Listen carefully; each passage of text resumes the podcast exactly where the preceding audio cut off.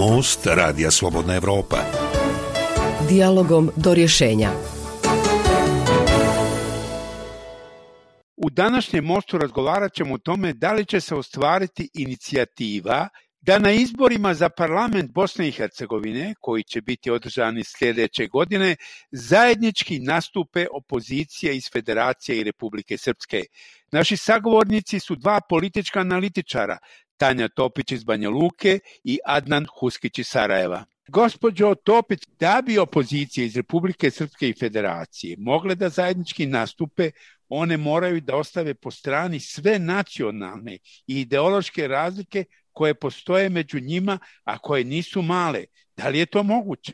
Tačno, to je neophodan uslov da bi uopšte mogli zajednički da nastupe i mislim da bi se u slučaju, govorim hipotetički da do toga dođe, morala presložiti lista prioriteta. Mislim da se oko ovih vrućih, kako ste ih nazvali, nacionalnih problema, odnosno pitanja trvenja s kojima smo izloženi u Bosni i Hercegovini 20 godina, unazad, mislim da je teško postići konsenzus i saglasnost između opozicionih partija iz Republike Srpske i Federacije. Mislim da je gotovo nemoguća misija, ali isto tako mi se učinilo da će oni upravo ta pitanja koja su sporna ostaviti po strani, a da će se fokusirati na ona pitanja koja život znači za građane Bosne i Hercegovine. Jednostavno napraviti otklono od tih pitanja koje su tačke sporenja i usaglasiti na vrlo pragmatičan način pitanje donošenja onih zakona, onih dokumenata koji bi omogućili stvaranje pravne države unutar Bosne i Hercegovine i svakako posvetiti se onim gorućim problemima. Mi smo kroz ovo iskustvo pandemije zapravo vidjeli koliko su vladajuće stranke u Bosni i Hercegovini ne činile, odnosno jako malo učinile kada je riječ o zaštiti zdravlja stanovništva, oni šta su radili, dočekivali su svečano na aerodromima humanitarnu pomoć i donacije koje smo dobijali iz svijeta i na kraju krajeva više su vlasti susjednih država uradile za građane Bosne i Hercegovine nego sami vladajući u Bosni i Hercegovini.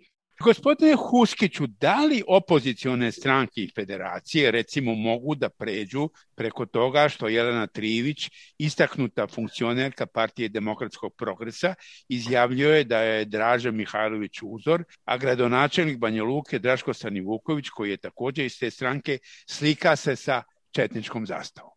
Mislim da će morati preći preko toga. Postoje principijalna razmimo ilaženja po određenim pitanjima. Nije to samo pitanje nekih egzibicionih poteza koje ste vi naveli, već se to tiče i same interpretacije događaja iz ranih 90-ih, dakle prirode rata u Bosni i Hercegovini, uloge susjednih država. Naprosto Previše je tih pitanja oko kojih ne postoji, rekao bih u ovom momentu, bazični konsenzus. I onda je bitno ta pitanja, ukoliko zaista nije nužno da se njima bavimo, ostaviti u ovom momentu po strani. Mi ne smijemo zaboraviti jednu stvar, da čitavo vrijeme od izbora 96. godine na ovam, ta pitanja se permanentno otvaraju u javnoj sferi sa samo jednim ciljem, da se ona otvori. Dakle, ovdje niste nikada imali nijedan ozbiljan pokušaj da se pristupi tim pitanjima sa željom da se iznađe neka vrsta zajedničkog rješenja ili kompromisa. I to je to što karakterizira vlast u kontinuitetu od 96. godine na ovamo. Ono što bi ova koalicija morala da uradi jeste da prije svega, i mislim da je upravo gospodin Ivanić u jednom od svojih ranih izlaganja, dok je još uvijek bio, čini mi se, član predsjedništva, govorio da je nužno recimo staviti moratorij na pitanja ustavne reforme.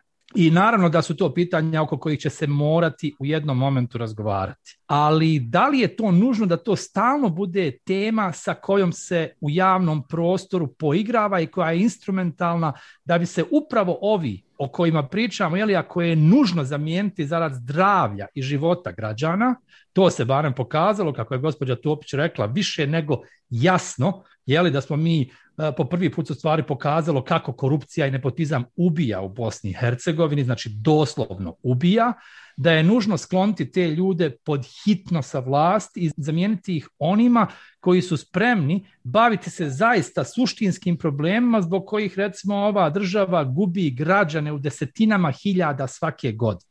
Nisu ovi problemi koje ste vi naveli na početku virtualni i nepostojeći problemi. Oni jesu problemi, ali postoji način kako se i te stvari unutar saradnje stranaka ili koalicijonog djelovanja rješavaju. Ja se iskreno nadam da se neće desiti ono što se svaki put do sada dešavalo, da upravo potenciranjem jel, tih tema od strane vladajućih stranaka, a više sam nego siguran da ćemo ući u serije kriza kako polako jel, izlazimo iz ljeta i kako se polako ulazi u predizbornu kampanju, da ćemo proći kroz serije različitih kriza koje će postati instrumentalne u smislu očuvanja vlasti i da se stavi na test ovaj pokušaj saradnje opozicijonih stranaka iz Republike Srpske i iz Federacije BiH. Gospođo Topić, u Republici Srpskoj su već krenuli napadi na opoziciju zbog najavljivanja koalicije sa opozicijnim strankama iz federacije. Ljudi bliski vlasti optužuju je za izdaju Republike Srpske. Koliko ti napadi mogu da odvrate birače od opozicije? Ovi napadi na opoziciju da je ona izdajnička su zapravo jedan kontinuitet u politici vladajućih.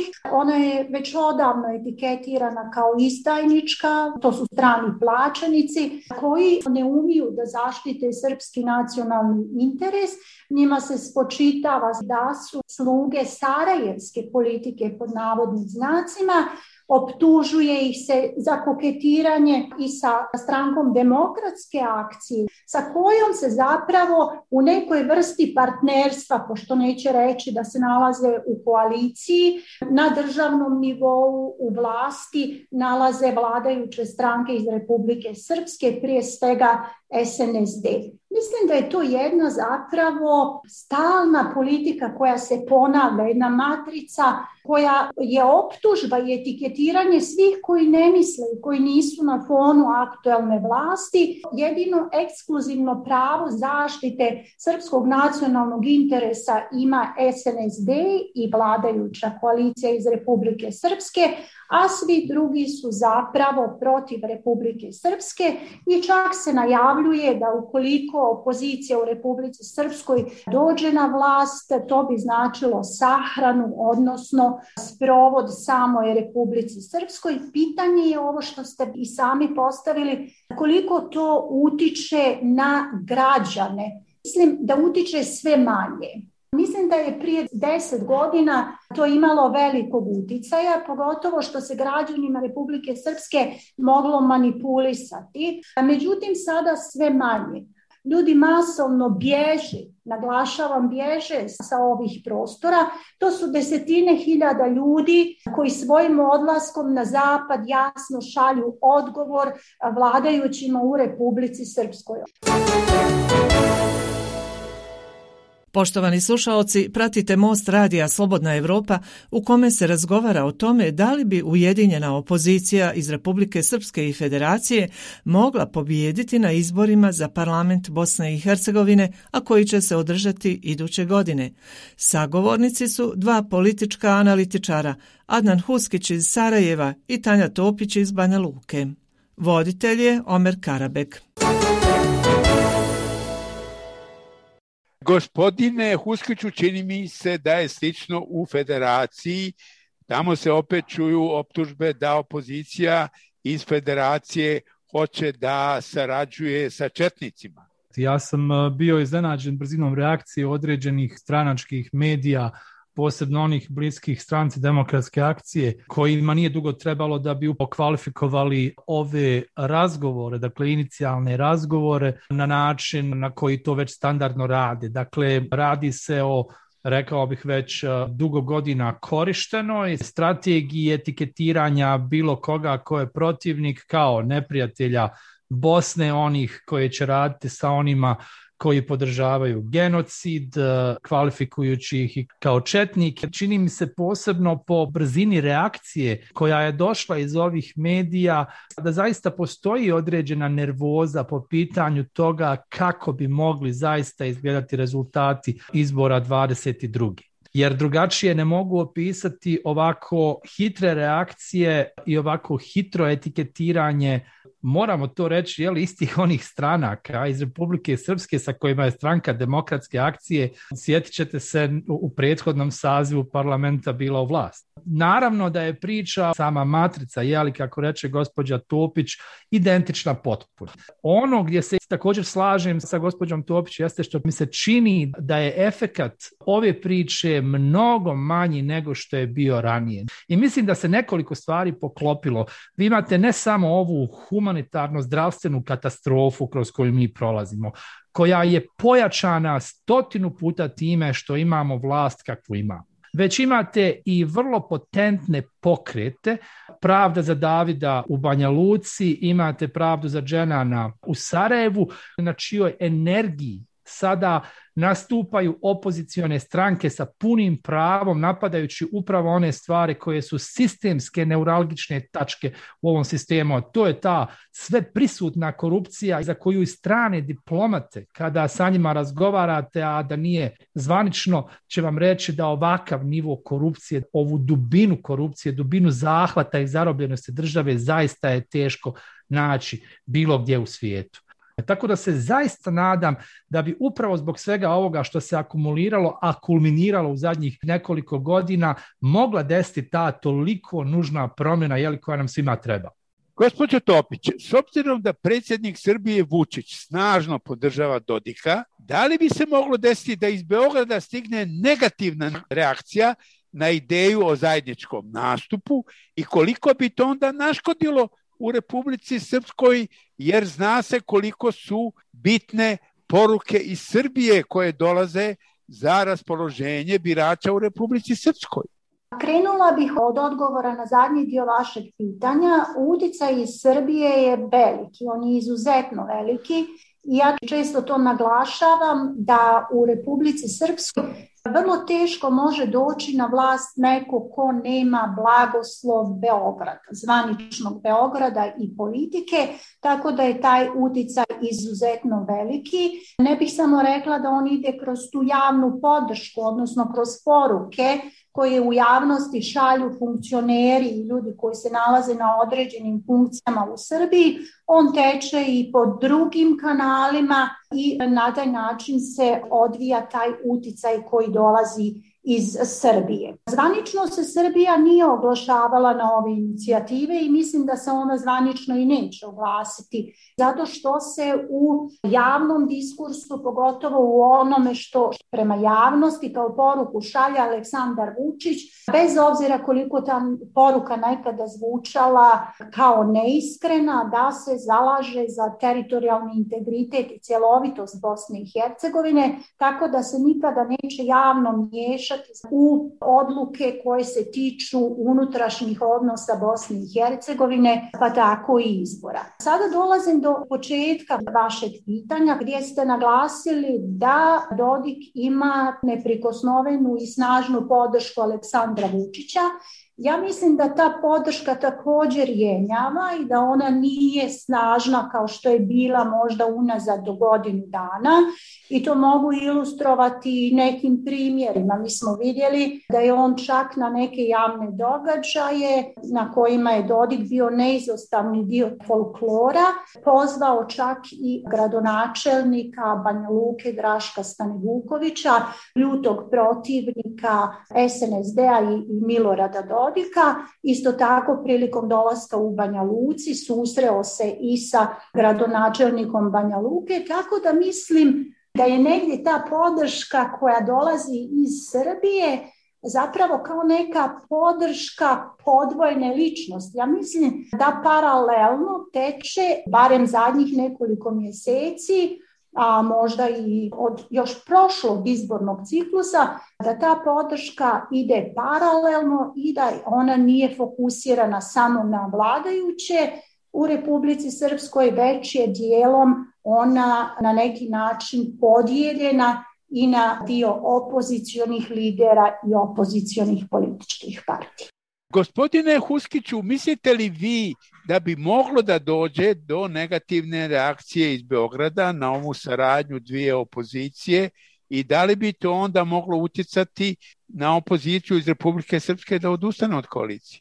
Pa ja sam promatrajući odnose u kontinuitetu između vlasti u Srbiji i vlasti u Republici Srpskoj došao do zaključka da oni teku, rekao bih, kontinuiranim pravcem. Oni su posebno, otkako je gospodin Vučić postao prvo premijer, pa poslije predsjednik Srbije, dobili nove kvalitete u smislu saradnje, jer je sva ona saradnja na osnovu sporazuma o specijalnim paralelnim odnosima uglavnom bila mrtvo slovo na papiru dugo vremena. Dosta, dosta stvari jeste realizovano posebno za vrijeme gospodina Vučića i jednako tako kako je postojala dobra saradnja, rekao bih i čak prijateljski odnos između gospodina Tadića, ona se uspostavila između Vučića i Dodika onog momenta kada je Vučić postao ta ključna figura ili centar moći u Srbiji. Ja bih rekao da je neminovno da kogod predstavlja ključne političke aktere bude partner sa jedne i sa druge strane i bez obzira na to gdje se i na kom mjestu nalaze privatni odnosi i opozicija u svojim dosadašnjim istupima i načinu na koji promatra politiku u Bosni i Hercegovini ne pokazuje da bi ona označavala okretanje od Srbije da bi sebe želela odvojiti na bilo koji način od Srbije. Ne vidim, hoću reći, zašto bi vlasti u Srbiji, bez obzira ko to bio u tom momentu, jeli, a sve su indici da će to još uvijek biti Aleksandar Vučić, optirale da podrže jednu ili drugu stranu u, u svemu ovome i do sada ste imali situacije, recimo da je Boris Tadić dolazio na predizborne skupove Milorada Dodika i bilo je dosta kritika upravo od strane opozicije na takvo njegovo djelovanje. Do sada, barem što se Vučića tiče, mislim da tih stvari nije bilo, što pokazuje jedan drugačiji odnos prema Miloradu Dodiku i vlastima u Republici Srpskoj i mislim da je više sada pitanje nekog institucionalnog povezivanja nego što je tih ličnih odnosa na kojima je ranije bilo bazirano. Poštovani slušalci, pratite Most radija Slobodna Evropa u kome se razgovara o tome da li bi ujedinjena opozicija iz Republike Srpske i Federacije mogla pobijediti na izborima za parlament Bosne i Hercegovine koji će se održati iduće godine. Sagovornici su dva politička analitičara, Tanja Topić iz Banja Luke i Adnan Huskić iz Sarajeva. Voditelj je Omer Karabeg. Gospođo Topić, Milorad Dodik u saradnji opozicije i najavljivanju zajedničkog nastupa vidi prste stranih ambasada. On kaže da je to pamet stranaca. Kako vi gledate na te njegove kritike? Pa to je opet, rekla bih, ona matrica po kojoj zapravo Milorad Dodik funkcioniše.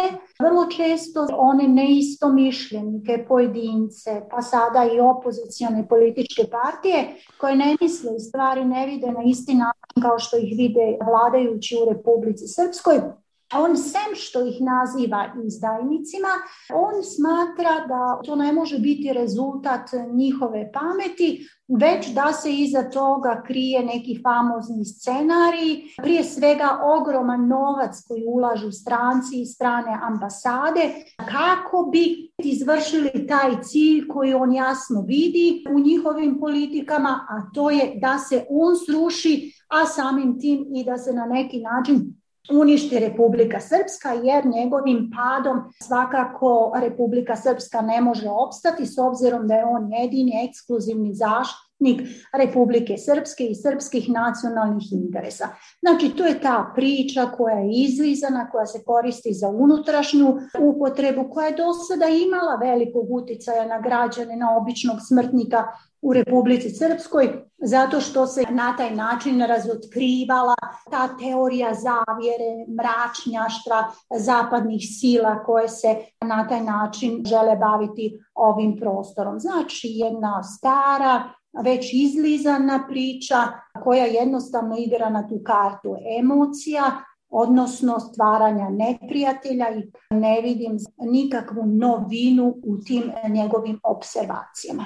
Gospodine Huskiću, kako vi vidite ovu Dodikovu tvrdnju da je sve to maslo stranih ambasada? Sticajem okolnosti mi je poznata geneza prvih kontakata uspostavljenih između opozicije u federaciji i u Republici Srpskoj i mogu vam reći zaista da nikakvih, ali apsolutno nikakvih ni primjesa bilo kakve vrste niti sponzorisanja od strane stranih ambasada u Bosni i Hercegovini nema. I to je dobra stvar. Dobra je stvar da je ovo jedan potpuno čist projekat koji je proizašao iz potrebe Dakle, zaista nasušne potrebe opozicije u Republici Srpskoj opoziciji u federaciji da se koordiniraju i da pokušaju vlasti uspostaviti nakon izbora 2022. da bi se zaista neke stvari pomjerile sa mrtve tačke. Gospođo Topić, čini se da je ozbiljan nedostatak koalicije to što za sada nema nagovješalja da bi u njoj moglo biti i hrvatskih stranaka, jer očigledno Dragan Čović vrlo čvrsto kontroliše hrvatsko biračko tijelo. Potpuno se slažem s vama, to jeste veliki nedostatak, mada ja ne bi zaista slijedila tu matricu podjele po kojoj bosansko-hercegovačko društvo funkcioniše, znači po etničkim principima, pa sad moramo znači posložiti da imamo i Hrvate i Srbe i Bošnjake da bi to bilo relevantno, a mislim da je suština zapravo u tome što unutar takozvanog hrvatskog korpusa ne postoji opozicija. HDZ Bosne i Hercegovine neprikosnoveno kontroliše taj prostor. Bilo je ranih godina pokušaja stvaranja te opozicije, ali vidimo da su ti pokušaji nestali, ugušeni su i danas kada se govori o, o takozvanom hrvatskom korpusu, onda se stavlja znak jednakosti sa HDZ-om. Gospodine Huskiću, mislite li vi da je ozbiljan nedostatak ove opozicione koalicije to što u njoj neće biti hrvatskih opozicijonih stranaka? Pretpostavljam da bi zarad simetrije i nekih drugih pitanja koja su imanentna s prirodi Bosne i Hercegovine, ovakvoj kako je Daytonom uspostavljena, bilo dobro da postoji određena pluralnost i da postoji određena alternativa HDZ-u ili onome što oni kroz okrilje te kvazi nevladine organizacije Hrvatskog narodnog sabora čine u smislu stvaranja konsolidovanog fronta unutar Hrvatskog korpusa i naravno da bi dobro bilo da postoji alternativa. S te strane, međutim, s obzirom da je nema, a jednako tako to pitanje je validno i za funkcionisanje vlasti u federaciji, mislim da je naprosto trenutno HDZ faktor bez kojeg se ne može. Ne znam kakvi će biti rezultati izbora 22. ali do sada barem nisam vidio da je došlo do pojave neke ozbiljne alternative HDZ-u, niti konsolidacije nekih stranaka koje bi bile kontra te HDZ-ovoj dominaciji, tako da će vjerovatno oni koji budu pobjednici na izborima 22. ili kada se bude razmišljalo o formiranju vlasti morati uzeti u obzir i tu činjenicu je da je HDZ to što jeste, da će vjerovatno imati onaj kontrolni paket, kako se obično kaže, dionica u Domu naroda, to je nešto što im je nakon izbora 2018. obezbijedila upravo stranka demokratske akcije i ne treba uopšte dovoditi u pitanje tu činjenicu s tim da mislim da HDZ kada se pojavi u toj koaliciji koju bi predstavljale drugačije stranke će vjerovatno morati svoje ponašanje u nekoliko da adaptira tome, a moguće da će upravo taj vid saradnje polučiti neku vrstu pluralizacije na sceni kod Hrvata u Bosni i Hercegovini. Gospođo Topić, i na kraju ima li šanse da opozicija konačno skine sa vlasti na nivou Bosne i Hercegovine, govorim o nivou Bosne i Hercegovine, Dodika, Izetbegovića i Čovića? Jako teško pitanje na koje zaista ne znam odgovor. Mislim da je osnovni preduslov da opozicija nastupi zajednički. To je izuzetno važno. Ako opozicija bude djelovala za nekoliko frontova, onda je to nešto što ide na ruku ljudima koji su sada na vlasti i njihovim političkim opcijama. Tako da mi se čini da je neophodno zapravo obezbijediti tu vrstu jedinstva. Međutim, isto tako je vrlo važno da se barem na neki način uspostave i tu su oči uprte, rekla bih, u strance, da se obezbijede fair izbori, da se ukloni politička korupcija i da se barem na neki način unesu ona tehnička poboljšanja koja će izborni proces učiniti transparentnim. Jer ne bih rekla da je toliko snaga ovih ljudi koji su na vlasti decenijama, koliko su oni stavili pod kontrolu cjelokupan izborni proces koji je do te mjere kontaminiran da im daje dodatno onoliko glasova i onoliko prostora koliko im je bilo neophodno da bi suvereno vladali svo ovo vrijeme. Gospodine Huskiću, evo da i vas upitam, ima li šanse opozicija da konačno skine za vlasti Dodika, Izetbegovića i Čovića na narednim izborima na nivou Bosne i Hercegovine? Pa ja mislim da postoji realna mogućnost da će s jedne strane biti prije svega nužno ovo dobro odigrati do izbora 2022. godine, da će uspjeti čitav ovaj projekat da se održi, a to neće biti jednostavno ako sudimo po vrlo ranim reakcijama stranaka koje su trenutno u vlasti, a koje evidentno shvataju koja opasnost bi mogla doći sa ove strane.